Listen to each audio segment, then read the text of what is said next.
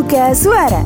Di sini, kamu akan bertemu orang-orang inspiratif dengan berbagai macam ide, warna, gagasan, dan perspektif. Semua kami rangkum untuk kamu. Buka mata, buka suara. Hai Sobat Suara, kembali lagi bersama Buka Suara Podcast. Dan hari ini di session podcast kali ini, Rara bakal menghadirkan another speaker yang pastinya gak kalah keren dari speaker-speaker sebelumnya ya. Hari ini spesial banget, aku kedatangan seorang perempuan spesial juga. Kalau sebelumnya juga sempat perempuan ya, sekarang kedatangan lagi. Namanya adalah Safira Aini. Oke deh, sekarang tanpa berlama lagi langsung aja aku panggilkan. Hai Safira. Oh hai Rara dan hai semua Sobat Suara. Hai, wow, apa kabar kamu? Uh, Alhamdulillah baik ya, masih sehat mental dan juga fisik selama Oh, pandemi. Alhamdulillah kayaknya yang paling penting untuk ditanyakan saat ini adalah eh, kesehatan ya. Yes, betul banget sih. Oke, eh, untuk currently kerjaan gimana? So far so good untuk Eh, menjalani full Ya, ya, ya, WFH so far, ya? ya, so far so good sih. Aku baru pindah ke kantor baru ini juga tepat uh, pas pandemi juga. It's Uh-uh. been like eight months dan ya, Oke. so far so good sih. Oke. Every- kayak it's fun, gak setiap hari seru sih, tapi setiap hari belajar banyak. Alhamdulillah. Oke deh. Nah, mungkin untuk sobat suara juga pengen tahu nih ya, kira-kira eh, speaker yang hari ini aku datangkan ini siapa dan backgroundnya seperti apa, terus kenapa akhirnya eh, di session kali ini membahas tentang project management. Jadi boleh untuk Safira diperkenalkan diri kamu, siapa kamu dan kenapa kamu tertarik di bidang ini gitu. Oh, Oke, halo semuanya. Perkenalkan, namaku Safira. Em, aku ini kan kita akan ngebahas project management ya, Yes. jadi- tapi izinkan aku sedikit memperkenalkan diri dari backgroundnya. Eh, aku lulusan komunikasi. eh, kemudian sejak awal karir aku, awalnya sebelum lulus sih aku banyak mencoba berbagai apa namanya function ya, ketika ke Yes. internship di organisasi juga. Tapi akhirnya pas aku masuk ke dunia profesional yang beneran sebagai full time worker, aku um, explore banyak karir aku di project management. Aku udah jadi project manager untuk dua um, perusahaan yang ber- dua perusahaan yang berbeda. Dan uh, berarti ini udah masuk tahun ketiga aku di project management. Um, aku sendiri awalnya uh, udah kenal project management tuh udah lumayan lama ya dari tahun Oke. 2015 pas Oke. awal banget masuk Eh, itu kayak udah masuk tahun pertama ke tahun kedua kuliah sih. Saat itu aku masuk sebuah organisasi yang I can say project manajemennya tuh kenceng banget karena emang kerjaannya bikin berbagai jenis project. Salah satunya adalah em, sebuah social project yang melibatkan eh, mahasiswa dari eh, dari luar negeri ini pas itu dan pas itu aku sadar sih ternyata project management itu seru banget ya karena eh, apa namanya aku sangat menikmati nih proses merencanakan, mengeksekusi dan mengevaluasi project yang biasanya tuh ritmenya cepat nih atau fast pace, kemudian dinamis dan setiap harinya selalu ada aja yang dipelajarin. Dan situ aku juga sadar nih dan dari situ aku juga sadar kalau project management itu hal yang bisa kamu implementasikan di banyak tahap kehidupan ya. Nggak cuma kayak oh kalau kita kerja di project management doang. Enggak tapi kayak hal-hal sesimpel kayak oh tugas kuliah nih. Kan aku dulu kuliah di komunikasi ya. Tugas-tugasku kan juga aku bisa kategorikan itu project nih. Karena kayak kita ngebikin misalnya bikin project advertising kemudian kita bikin uh, program uh, broadcasting. Terus aku juga sempat ikut sebuah program beasiswa namanya Excel Future Leaders di mana selama dua tahun tuh kerjaannya juga bikin project terus sama tim yang beda-beda Oke. kayak gitu.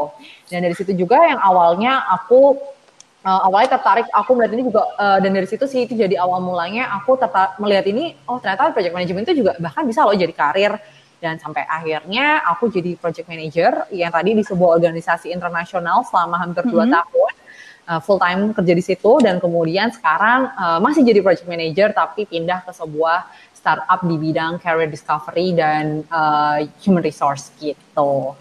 Oke deh. Nah, kalau misalnya eh, tadi kamu sempat menyinggung bahwa eh, project management ini adalah suatu hal yang menarik Hmm. untuk diri kamu sendiri, pribadi kamu sendiri, gimana sih kamu melihat diri kamu dulu ketika kamu masih kuliah dan Hmm. ada di sebuah organisasi itu dengan sekarang gitu, ketika kamu Yes. sudah menjadi full time worker?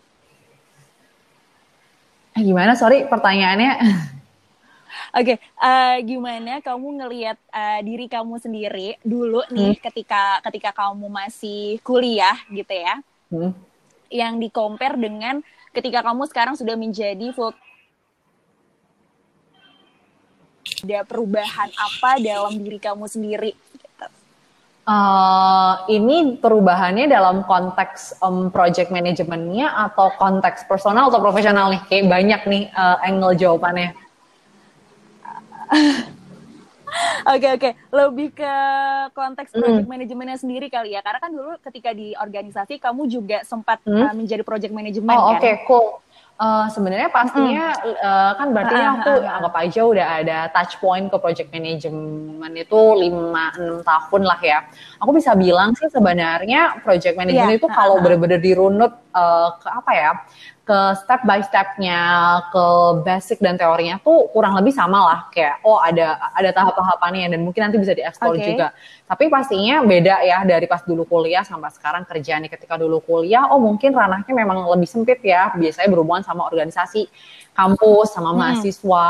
Terus juga apa namanya uh, objektifnya pun juga mungkin atau tujuan dari proyeknya pun juga mungkin skalanya masih kecil nih dan apa ya the worst thing kalau misal ada yang salah atau ada yang kurang tuh paling apa sih kayak gitu nggak nggak gampangin tapi tentunya resikonya nggak segede mm -hmm. ketika proyek ini udah dibawa ke skala uh, misalnya udah skala profesional atau skala perusahaan di mana itu kan udah ada kaitannya sama bisnis, uh, stakeholder atau pemegang kepentingannya lebih banyak kayak gitu sih. Jadi aku bisa bilang sih uh, yes. yang bikin beda tuh pasti naik level di segala elemennya ya kayak tantangannya, elemen resikonya, okay. kemudian juga elemen kesulitannya kayak gitu. Tapi bukan berarti uh, apa namanya wah susah banget atau nggak bisa banget bisa sih kayak gitu karena pastinya sambil jalan tuh kita akan nambah apa ya nambah jago, nambah pinter dan nambah uh, pengalaman sehingga kita bisa menghadapi challenge apa pun itu dengan lebih uh, lebih mudah dan juga lebih uh, tenang nih kayak gitu.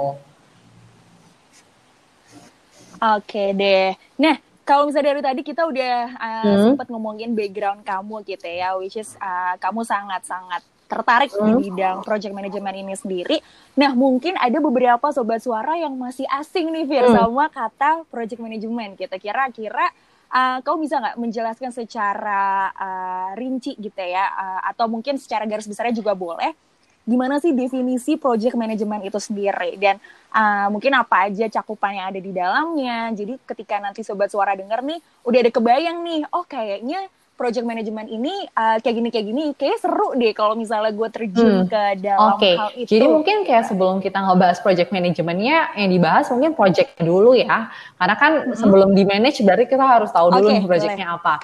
Nah project sendiri itu sebenarnya kalau uh, di jelaskan dengan mudah, harapannya aku menjelaskan dengan mudah dan simpel ya, merupakan aktivitas sementara yang dilakukan untuk mm -hmm. uh, mencapai suatu tujuan dalam waktu yang sudah ditentukan. Jadi ada beberapa keywordnya. Satu, dia aktivitas yang bersifat sementara nih, jadi bukan aktivitas yang terus menerus ya. Kedua, dia punya goal okay. yang spesifik. Dan yang ketiga, dia ada uh, tadi ada waktu yang terbatas dan biasanya dia tuh punya hasil yang unik nih kayak gitu. Nah, contohnya nih, jadi sebelum ke project manajemennya, okay. projectnya apa sih contoh tuh? Kayak misal ya, kalau kehidupan sehari-hari nih, ngerenovasi kamar, kemudian misal kita masak, terus bikin um, crowdfunding, itu kan hal-hal yang biasanya terjadi di day to day dan memang ada ada waktunya, ada timeline-nya, ada goal-nya spesifik kayak gitu. Kalau di sekolah atau kampus, konser, seminar, tugas kelompok, KKN itu project. Dan kalau bisnis tuh bisa kayak pembuatan aplikasi, pengembangan okay. produk atau fitur nih dari sebuah software, atau misal kita lagi ngeimplementasiin proses bisnis yang baru kayak gitu. Jadi bisa seluas itu sih cakupannya.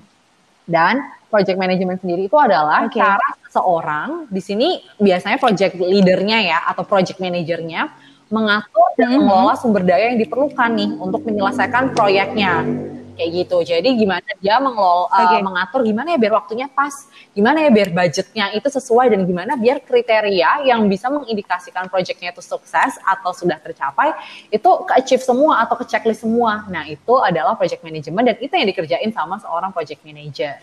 Gitu. Oke, jadi emang sebenarnya uh, kalau dari aku sendiri sih udah mendengar dari penjelasan kamu aja udah hmm. cukup tertarik ya Tapi sebenarnya kalau project management ini sendiri uh, mirip atau bisa dibilang sama kayak event management kah atau gimana tuh atau tetap ada okay. perbedaan? Nah sebenarnya sih menurut aku ada bedanya ya kalau event management itu kan berarti memang spesifik mm -hmm. ke sebuah pelaksanaan acara uh, ya kan dan meanwhile yeah. kalau uh, pelaksanaan sebuah acara nih meanwhile project itu nggak selalu uh, event aja nih kayak gitu. Ada aku sempat sebut ya kayak oh bisa, memang project management itu bisa salah satunya adalah uh, apa namanya tadi konser atau seminar atau workshop. Tapi nggak semua project itu eh, nggak uh, semua project itu adalah event kayak gitu. Misalnya kayak aku di kantor aku ada sih uh, beberapa kerjaan aku yang event management tapi ada juga yang nggak event sama sekali, kayak misal aku uh, ngeimplementasiin sebuah proses bisnis baru di kantor aku, di departemen aku yang nggak pernah ada sebelumnya, itu aku kerjain. Itu kan nggak ada nggak ada hubungannya sama event nih, tapi itu okay. ada impactnya langsung ke bisnis mm -hmm. dan juga ada impactnya langsung ke departemen aku. Dan itu dilakukan tadi uh, waktunya ada ada time constraint-nya, ada limit waktunya, ada checklistnya nih biar kita bisa dikatakan project yang sudah dilaksanakan dan berhasil dan uh, dia ada ngasih impact yang unik nih belum ada sebelumnya atau uh, cuma cuma bisa ada kalau kita okay. bikin project ini gitu. Oke deh, jadi emang uh, basically masih tetap hmm. ada perbedaannya ya gitu. Jadi untuk sebat suara jangan disamakan ya, walaupun sebenarnya mungkin ada yang kayak kepleset-kepleset antara event sebenarnya sama project sama kok gitu. Padahal sebenarnya uh, kenyataannya berbeda gitu. Nah, buat sobat suara nih yang mungkin saat ini masih SMA atau kuliah, kamu ada nggak sih kayak semacam tips kali ya uh, terkait si project management ini? Tools atau frameworks apa yang mungkin bisa ngeboost produktivitas mereka sehingga uh, nantinya goals-goals mereka ini bisa hmm, Oke, okay. nah sebenarnya sih uh, menurut aku jangan terlalu paham sama oh harus pakai tools ini ya atau harus persis sama satu pesan ini aku kasih disclaimer di depan uh, dulu uh. karena sebenarnya kadang-kadang nih bikin kita overwhelming kayak aduh toolsnya susah banget ya atau aduh toolsnya kok kayaknya ribet ya kayak gitu. Tapi ada iya, beberapa yeah. prinsipal yang bisa dilakukan dan diadaptasi atau di apa ya diimplementasikan sesuai kemampuan kalian nih. Apalagi kalau masih sekolah atau masih kuliah kan uh, sumbernya terbatas dan juga apa namanya kapasitasnya juga nggak sebanyak kalau misal kita udah melakukannya secara profesional. Nah di dunia project management itu ada yang kita sebut project life cycle nih. Jadi mungkin kalau habis ini teman eh, sahabat suara mau kayak okay. googling googling namanya project life cycle. Nah, project life cycle ini tuh adalah uh, step-step dan juga kerangka nih untuk kamu menjalankan sebuah uh, project nih dari awal sampai akhir kayak gitu. Nah, basically isinya apa aja sih si project life cycle ini? Nah, dia itu ngebagi sebelum project itu terlaksana dan dianggap berhasil itu ada empat stage-nya atau empat step-stepnya. Yang pertama mm -hmm uh, ada yang namanya initiation stage atau tahap inisiasi atau uh, atau ini biasa tahap yang aku bisa sebut tuh di sini banyak kita lagi banyak brainstorming, lagi banyak diskusi, lagi banyak uh, ngobrol okay. meeting sama para uh, para stakeholder atau pemegang kepentingan nih di sini tuh fungsinya adalah kita sama-sama understand goalnya. Goalnya tuh apa sih kita ngerjain project ini? Kemudian prioritasnya apa aja, deadline-nya kapan, kemudian apa ya resiko-resiko yang bisa terjadi dari project ini. Dan resiko tuh nggak cuma resiko negatif kayak, tapi bisa jadi resiko positif juga nih. Kan kayak, kayak dampak dari project ini apa nih kayak gitu.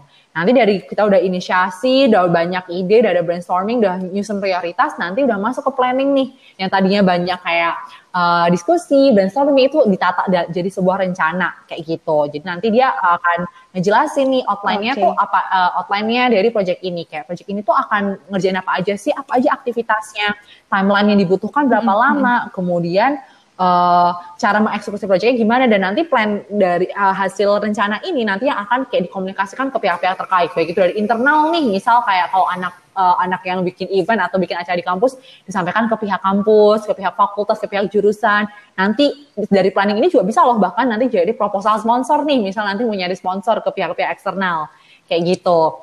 Karena kan jelas ya dari situ.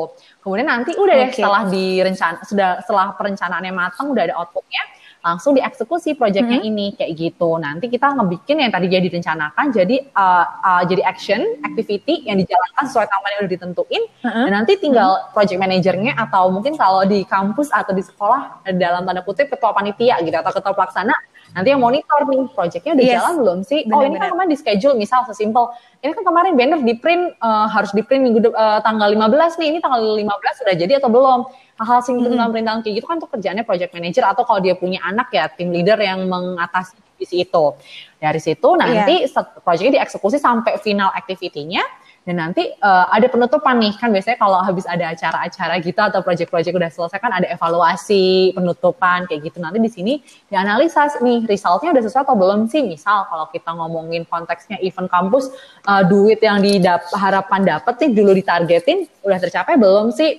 Misal kalau ngomongin tiket konser atau kalau konser tiketnya kemarin dipa- da- target dijual segini tercapai nggak sih? Jadi nanti di situ dilihat nih apa yang direncanakan sama realitanya dibandingin sesuai atau enggak. Kemudian nanti dievaluasi apa ya yang kemarin uh, udah oke apa ya yang harusnya dikembangkan lagi apa ya yang ternyata nggak kita pikirin atau kalau kita rencanain tapi baru sadar di tengah-tengah itu tuh hal yang sangat penting sekali kayak gitu. Nanti di situ di closure dan itu nanti juga berguna loh nggak cuma bergunanya bisa banyak hal. Misal bergunanya untuk orang yang misal kalau proyeknya proyek tahunan ya kayak kan ada tuh beberapa event yang kayak tiap tahun ada aja terus.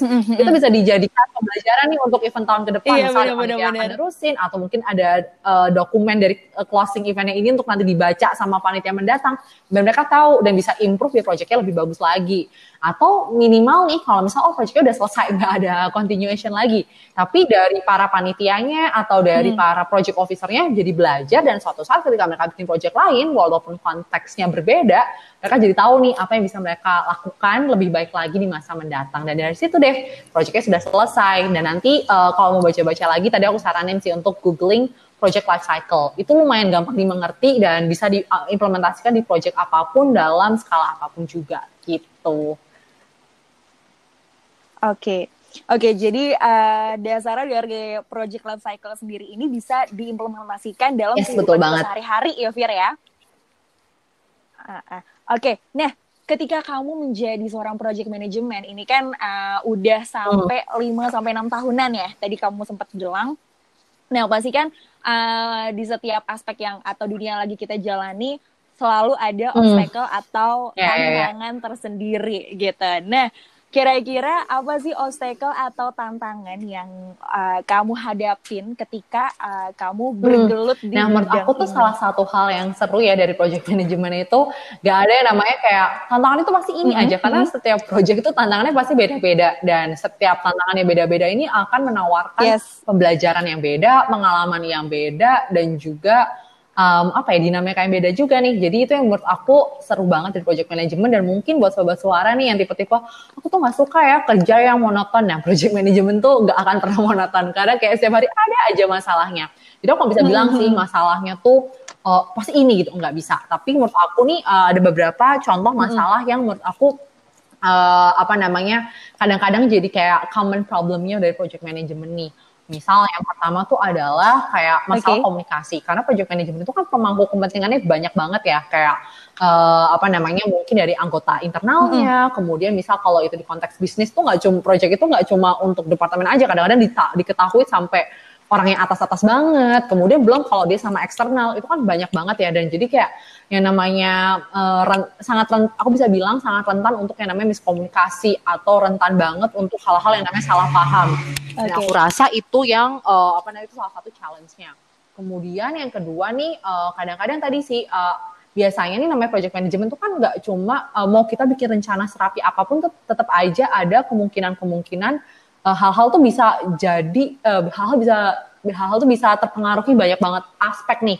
Contoh yang paling gampang adalah COVID-19 ini. Iya, benar. aku yakin di luar sana banyak banget project-project itu yang terpengaruh banget. Kayak misal orang-orang udah ngeplan dari akhir tahun 2019 atau awal 2020 kok ini project bakal keren banget mantep oke banget deh kayak gitu. Tapi ternyata tiba-tiba covid terjadi. Oh kita nggak bisa kumpul rame-rame. Oh kita uh, oh ternyata banyak banget yang terdampak sehingga buat mereka tuh yang awalnya pengen banget ikutan project ini kayak nggak mau nggak bisa. Karena prioritasnya udah kayak gitu.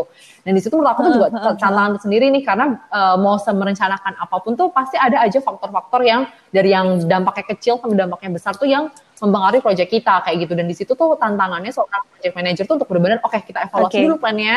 Kita lihat nih kalau perubahannya segede ini apa yang bisa tetap jalan apa yang kita harus tolerir atau kompromi untuk diubah dan apa yang mungkin kita harus uh, take out atau kita harus uh, nggak lakuin lagi karena itu nggak sesuai sama rencana yang sekarang kayak gitu. Dan aku ngerasa itu kesulit ya itu salah satu kesulitannya sih. Kayak gitu nggak ada nggak ada kesulitan yang aku bisa bilang pasti kayak gini terus tapi ya pasti macam-macam sih dan itu letak serunya project management karena sangat challenging gitu.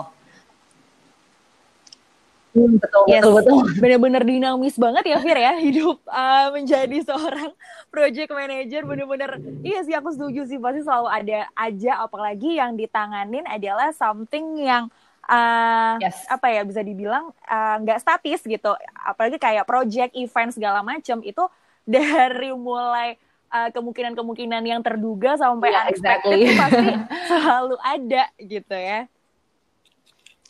Oke, nah sebenarnya uh, gimana sih cara untuk uh, mengimplementasikan uh, semacam tools ya atau atau frameworks dari project management ini sendiri ke uh, bisa dibilang hmm. kayak hmm. mungkin ke kehidupan sehari-hari gitu atau atau ke hmm. apa ya okay. pekerjaan aku, lainnya. Nah sebenarnya gitu. menurut aku tuh project management adalah sebuah bidang yang sangat-sangat praktikal. Nggak perlu orang harus jadi project manager, nggak perlu orang harus jadi bagian dari sebuah project hmm. untuk mengimplementasikan ilmu dari project management sendiri sih. Kayak semua orang bisa kayak gitu karena kita di elemen-elemennya itu praktikal okay. banget. Nah gimana sih cara kita incorporate project management ke kehidupan hmm. sehari-hari. Nah, biasanya nih yang paling gampang banget itu misal kita bikin uh, to-do list nih atau checklist untuk apa yang mau kita lakukan di hari itu kayak gitu. Karena mm-hmm. ya di project management tuh kerjaan kita adalah gitu kita begitu to list kan aktivitas-aktivitas yang harus kita lakukan untuk projectnya uh, schedule. Di in real life kita bisa kok bikin to do list apa yang harus kita selesaikan di hari itu mm-hmm. nih kayak gitu. Misalnya hari ini uh, gue di kantor di kerja uh, di kantor nih ada tiga prioritas yang harus gue lakukan kayak gitu. Dan ini nggak harus untuk orang yang kerja di project ya kamu mau kerja di bisnis, marketing, finance, you can do that. Kayak oh tiga hal yang iya. prioritas yeah. yang aku lakuin. Terus habis itu kamu juga bisa nih bikin to-do list untuk kehidupan sehari-hari. Oh mis yang bener-bener personal banget. Oh ya hari ini aku rencana hmm, mau apa namanya mau pagi hari olahraga dulu, terus berjemur, terus habis itu apa. Jadi kamu bikin bikin to-do list nih yang bikin kamu uh, bikin kamu bisa apa namanya bisa bisa bikin kamu lebih terarah melakukan sesuatu dan aku ngerasa pasti accomplishment sama sih seorang project manager pasti yes. uh, project manager itu dilihat keberhasilannya dari to-do list semakin banyak to-do list yang dikerjain. Siapa pun itu individual ketika dia bikin to-do list pasti akan merasa sense of okay. achievement atau sense of uh, satisfaction kalau to-do listnya udah kelar semua kayak gitu. Jadi itu bisa diimplementasiin buat siapa pun. Yang kedua adalah scheduling nih kayak gitu. Aku uh, aku suka nge-schedulein hal-hal yang emang aku rasa apa namanya hal-hal yang aku rasa aku harus ingat dan aku harus lakukan dan aku rasa itu penting untuk di schedule kayak gitu. Makanya aku sangat sering aku sangat-sangat menggunakan Google Calendar nih. Jadi kayak aku scheduling sebenarnya nggak harusnya hal yang gede banget nih. Tapi kayak misal uh, contoh nih aku bayar asuransi setiap tanggal 27 itu aku schedule misalnya. Jadi aku inget nih karena kalau di project management uh, itu hal schedule tuh bener-bener sangat-sangat esensial banget. Karena kayak ya karena tang tanggal uh, tanggal ini kita ya? selesai segini, tanggal mm -hmm. ini uh, kita harus mencapai ini kayak gitu di in the uh, in the life kalau kita bisa kok nge-scheduling kayak gitu. Jadi kehidupan kita lebih rapi nih. Dan ketika kita udah tahu schedule kita, kita bisa lebih gampang ngatur prioritas kayak oh iya okay. schedule aku misal nih kayak kamu nge-schedule mau apa ya yang enak ya. Nge-schedule mau misal Zoom sama teman-teman meeting sama teman-teman itu juga bisa loh kayak oh di schedule gitu. aku schedule aku nge-schedule nih di Jumat malam aku mau main Among Us sama teman-teman aku kayak gitu. Ini biar aku bisa main Among Us dengan tenang, okay. gak kepikiran hal-hal yang lain. Oh berarti semua kerjaan-kerjaan aku udah harus beres dulu loh sebelum hari Jumat. Kayak gitu. Jadi tuh kita terbiasa bisa melatih diri kita untuk belajar lebih rapi kayak gitu. Dan itu nggak harus kerja di project. We can start it in our life, uh, in our self kayak gitu. Dan juga uh, aku ngerasa juga ketika jadi project management, kamu juga okay. jadi lebih, halo? Mm -hmm Oh oke okay, sorry. Uh, ya ya. ya. Nah dan mungkin ada satu lagi sih ketika di project management itu kamu juga bisa uh, apa ya mungkin lebih taktis atau uh, strategis uh. ketika merencanakan sesuatu nih karena biasanya nih project management itu kan ada kalau teman-teman juga mau kepo nih kalian bisa cari kayak segitiga project management atau project management triangle uh. karena project management itu biasanya meng apa ya menyeimbangkan antara uh, apa namanya antara cost kemudian quality dan juga scope of project nih di mana kita kayak mm -hmm. oh kalau duitnya ditambahin dikit berarti kualitasnya tambah naik nih oh kalau scope-nya dipersempit berarti uh, duitnya bisa lebih sedikit nih hal-hal kayak gitu menurut aku tuh juga bikin kau bikin kita tuh jadi lebih taktis okay. nih kayak misal oh aku punya duit ya misal aku punya duit 2 juta rupiah nih, uh, mungkin kalau aku investasikan gede di aku sendiri, hmm. dengan ambil course ini atau workshop ini, aku bisa nambah apa ya? Oh, mungkin aku dari ikutan workshop digital marketing, nanti aku bisa nambahin profit buat online shop aku, kayak gitu. Jadi itu kayak ngelatih kita juga untuk berpikir taktis kayak gitu loh. Dan menurut aku tuh hal yang bisa kita lakukan, nggak harus jadi project manager, okay, we can okay. start in ourselves and we can uh, experience the impact by ourselves juga, gitu. Oke deh, ini bener-bener insightful banget karena uh, untuk yang hmm. semacam kayak to-do list atau scheduling sendiri, uh, mungkin untuk orang-orang yang terbiasa uh, hidupnya apa ya uh, tidak teratur dengan dengan semacam to-do list itu akan menjadi satu challenge tersendiri ya Fir ya. Tapi sebenarnya dengan melakukan to-do list atau scheduling ini itu menghindari hal-hal yes, yang banget. bertabrakan, ya nggak? Uh, uh, Oke deh. Nah, oke untuk pertanyaan selanjutnya, ini aku mau tanya tentang how you do your job as a project manager. Karena kan uh, mungkin di luar sana banyak sobat suara yang kepo gimana sih kamu nih menjalani kehidupan kamu, apa yang kamu lakukan uh, selain apa yang tadi kamu bilang gitu ya. Dan dan apa aja yang mungkin bisa kamu bilang secara apa ya menariknya kali ya. Dan kenapa sih uh, sobat suara harus menjadi project manager mungkin nggak harus ya cuma kayak aku merasa project manager ini juga menjadi suatu pekerjaan yang sangat-sangat membuat aku tertarik. Hmm. Jadi aku sekalian okay. kepo nih. Nah, sebenarnya sih uh, gimana ya? A day in a project manager life itu kayak nggak ada satu hari yang kayak sama terus kayak saya say tadi kayak super dynamic juga ya. Tapi hmm. sebenarnya uh, sebagai project manager sih pasti ada beberapa hal yang akan kamu lakukan. Yang pertama adalah uh, you will communicate with a lot of people, kayak a lot of people kayak gitu. Karena misalnya nih kamu uh, apa namanya kamu akan komunika uh, kamu akan komunikasi dengan banyak orang siapa aja bisa jadi bos kamu di kantor, bisa jadi uh, eksternal yang akan uh, kerja sama-sama kamu atau mungkin sama atau orang-orang hmm. manajemen, orang-orang si level yang Uh, karena proyek kamu sangat mempengaruhi langsung keberadaan bisnis, kemudian sama orang-orang yang beda departemen, tapi okay. uh, eh, mereka apa namanya akan mendukung keberhasilan proyek kamu nih. Misal kayak aku, aku banyak banget komunikasi sama orang-orang kreatif yang ngebikin uh, apa namanya desain, kemudian ngebikin konten, kemudian aku juga komunikasi banyak orang sama orang sosial media, terus aku juga komunikasi banyak sama orang sales. Kayak sebanyak itu komunikasinya karena pertama kamu uh, kamu berusaha untuk uh, mengkomunikasikan kebutuhan proyek kamu ke mereka biar mereka juga mau bantuin kamu.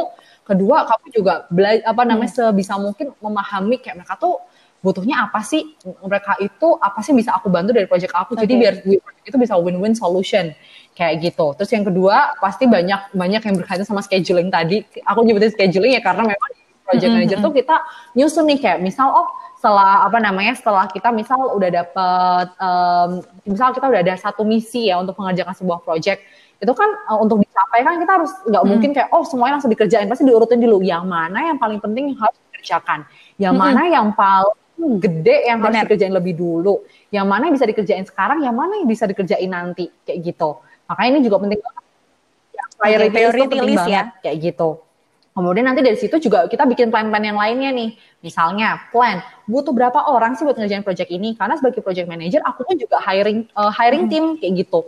Kadang ada tim yang freelancer, aku hmm. juga hmm. hiring full timer untuk bantuin aku ngerjain project ini kayak gitu. Itu kan jadi dulu nih dan nanti belum okay. nanti kayak ngerekrutnya, ngeseleksinya dan lain sebagainya. Kemudian dipikirin juga ini project kira-kira butuh duit berapa ya? Dan duitnya nanti lagi-lagi dikomunikasiin kan. Ini duitnya nggak sih? Duitnya yeah. bisa nggak sih dikasih segini? Uh -uh kayak gitu. Kemudian nanti juga project manager, sebagai project manager, kerjaan aku yang paling sering adalah reporting nih, kayak oh nih kita udah mencapai segini. Okay. Uh, dan itu nggak cuma aku asal ngomong doang, aku harus bikin trackernya nih misal biar or, biar misal orang-orang bisa dengan mudah, orang-orang yang tadi aku bisa bilang stakeholder atau pemegang kepentingan itu bisa gampang mm -hmm. mengakses progres dari project ini. Aku bikin tracker misalnya. Kemudian aku bikin report tertulis. Kemudian ada meeting-meeting yang dilakukan untuk ngobrolin ini nih. Oh kita project udah nyampe sini nih. Tapi ini kendala-kendalanya yuk kita evaluasi bareng. Itu juga ada meeting-meetingnya nih kayak gitu. Dan juga aku bisa bilang uh, eh, okay. ya itu sih aku aku rasa dan project pokoknya project management itu aku bisa bilang P-nya itu selain project itu juga people karena project itu benar-benar mm -hmm. uh, sangat banyak involvementnya sama orang sih kayak gitu sama, sama orang kayak ya. gitu. Tapi ini bukan berarti bikin takut orang-orang yang introvert ya kayak waduh gue banget nih karena berubah sama orang enggak kayak gitu karena sebenarnya bukan bukan uh, bukan masalah berhubungan sama orang intens atau gimana sih, tapi di mana project itu satu uh, untuk mengerjakan itu butuh banyak orang kayak gitu. Mengerjakan itu kita sebagai okay. project manager kita juga harus bisa mengorangkan orang kayak gitu. Treat people as human as yes, possible. Exactly. Dan project biasanya itu pasti dampaknya itu juga kena ke orang kayak gitu dan harus jadi extrovert atau jadi total outspoken person ya to be a project manager tapi tadi sih lebih ngerti bahwa elemen orang tuh sepenting itu so kita nggak bisa take it for granted dan kita uh, harus apa namanya memprioritaskan itu sama besarnya dengan prioritas-prioritas lain dari project itu sendiri gitu. Oke deh. Nah, ini dia uh, tiba saatnya di last question yang biasanya sih untuk speaker sebelumnya itu cukup terkejut ya Fir ya. Jadi Aduh, ada apa nih? terkejut. Jadi aku mau tanya tentang uh, semacam apa ya prinsip quotes atau kata-kata yang emang uh, selama ini kamu pegang untuk diri kamu sendiri bisa mungkin kamu dapat itu dari diri kamu sendiri hmm. kamu menciptakan itu sendiri atau mungkin kamu uh, dapat dari sumber tapi yang jelas uh, quotes ini adalah quotes yang emang kamu pegang ketika kamu lagi down, ketika kamu lagi butuh motivasi gitu. Jadi quotes ini yang uh, ibaratnya menguatkan kamu. Ini gitu. susah sih. Aku juga ikut terkejut ya. Tuh kan kenapa ya. Speaker-speaker yang lainnya terkejut. Um, sebenarnya sih ada dua ya, yang berkaitan sama project management sama uh -huh. yang berkaitan sama uh, diri sendiri. Kalau uh, berkaitan okay. sama project management sih, um, menurut aku ini aku bukan quote aku sih, aku membaca ini di somewhere else. Mm -hmm. Tapi gini, yep. kalau berkaitan sama project tuh yang selalu aku ingat adalah uh, trying to manage a project without project management is like trying to play a football game without a game plan. Nah, kayak misalnya kita pengen ngerjain sebuah project tapi nggak direncanakan dengan matang, nggak disusun dengan baik, nggak dikomunikasikan dengan banyak orang, ya itu sama aja kayak kamu misal uh, main bola tapi nggak bikin strategi gimana caranya bisa mengalahkan kompetitor atau mengalahkan lawan atau misal kayak okay. kamu pengen traveling tapi kamu nggak tahu mau ke mana kayak oh ya aku pengennya punya ke ke Jepang nih uh, tapi kayak uh, uh. Ke sana naik apa uh, liburannya berapa lama dan lain sebagainya nggak kamu pikirin kayak gitu kan jadinya bubrah ya kayak gitu. Dan itu menurut aku salah satu hal yang perlu diingat-ingat sih dan nggak cuma buat orang yang sebagai seorang project manager tapi buat kamu juga nih ketika kamu pengen sesuatu pengen mencapai sesuatu ngerjain sesuatu atau nyelesain sesuatu it will be great kalau kamu punya plan nih, kamu punya rencana kayak gitu. Dan kamu bisa mengusahakan untuk manage itu dengan okay. baik. Dan menurut aku juga uh, sebagai project manager tuh aku bisa bilang dan semua pekerjaan juga sama sih. Uh, ini quote yang kedua ya. Uh, pasti yang namanya capek, burn out, kayak aduh kayak pengen istirahat dulu dan sebagainya itu pasti akan terjadi wajar banget wajar kayak gitu. Ya. So uh, hmm. satu hal juga yang aku pengen sampaikan ke teman-teman nih yang hustling baik jadi sebagai project manager, kerjaan yang lain atau mungkin lagi ngerjain project adalah uh, be kind to yourself sih kayak gitu. If you feel like uh, it's already okay. too much, just take a break. If you feel like you have no capacity uh, anymore, you always can say no. Dan mm -hmm ketika kamu apa namanya dan ketika kamu ngerasa kayak things went south atau hal-hal sesuatu nggak sesuai nggak sesuai sama keinginan kamu uh, sebelum kamu kayak aduh mau marah teriak atau menyalahkan diri kamu sendiri just take a moment to deep, take a deep breath. Jadi kamu nggak cuma react tapi kamu bisa respond the problem and the challenge dengan cara yang lebih bijak dan wisdom. Eh, dan dan, dan wise sorry kayak gitu. Oke. Okay. yes. Yes. Wow, Safira menampar sekali quotes Anda ya. ya, be kind to yourself itu adalah satu hal yang uh, simple dan gampang diucapkan, tapi ketika memang uh, kita lagi ada di satu keadaan yang yang seperti itu, kadang kita yes, lupa. Betul banget, itu, ya. makanya ya. semoga ini juga bisa menjadi pengingat ya, ngebuat semuanya, buat sobat suara juga yang dengerin. Yes. Be kind to yourself nih, kayak gitu. Jadi nggak biar kerja tuh nggak capek dan sepanteng gitu. Oke deh, nah sekarang aku mau sedikit recap sih ya hal-hal yang hampir selama 30 menit ini kita udah omongin untuk sebuah suara juga. Jadi uh, yang pertama uh, project management sendiri ini adalah suatu hal yang bisa diimplementasikan yes. ke semua hal ya Fir ya, mulai dari daily life kita sampai ke pekerjaan apa pun yang lagi kita kerjakan. Kalau misalnya kita udah punya uh, planning gitu ya, uh, itu akan menjadi lebih teratur ke depannya. Terus uh, untuk project management sendiri, kalau misalnya sobat suara mungkin lagi ngerasa kayak uh, struggling banget menjalani kehidupan, coba untuk melakukan yang namanya project life cycle. Kalau untuk di project management sendiri itu adalah sebuah step untuk menjalankan project yang bisa dilakukan. Nah, kalau untuk daily life sendiri bisa tuh ya kayak uh, aku sangkutin dengan poin uh, nextnya kayak bisa melakukan to do list, hmm. scheduling mm. gitu-gitu. Jadi uh, otomatis per pikiran kita juga akan jauh lebih taktis karena kita bisa memplanningkan sesuatu tuh udah dari awal gitu dan kita akan menghindari yang namanya tabrakan dan pasti kalau misalnya apalagi untuk tabrakan jadwal itu yes, BTI banget ya Fir ya Mm-mm. Kayak kita udah uh, apa namanya merencanakan ini tiba-tiba di tengah jalan ada something dan kita eh, nggak uh, sengaja hmm. menghilangkan hmm. dua-duanya padahal sebenarnya itu di waktu yang bersamaan gitu.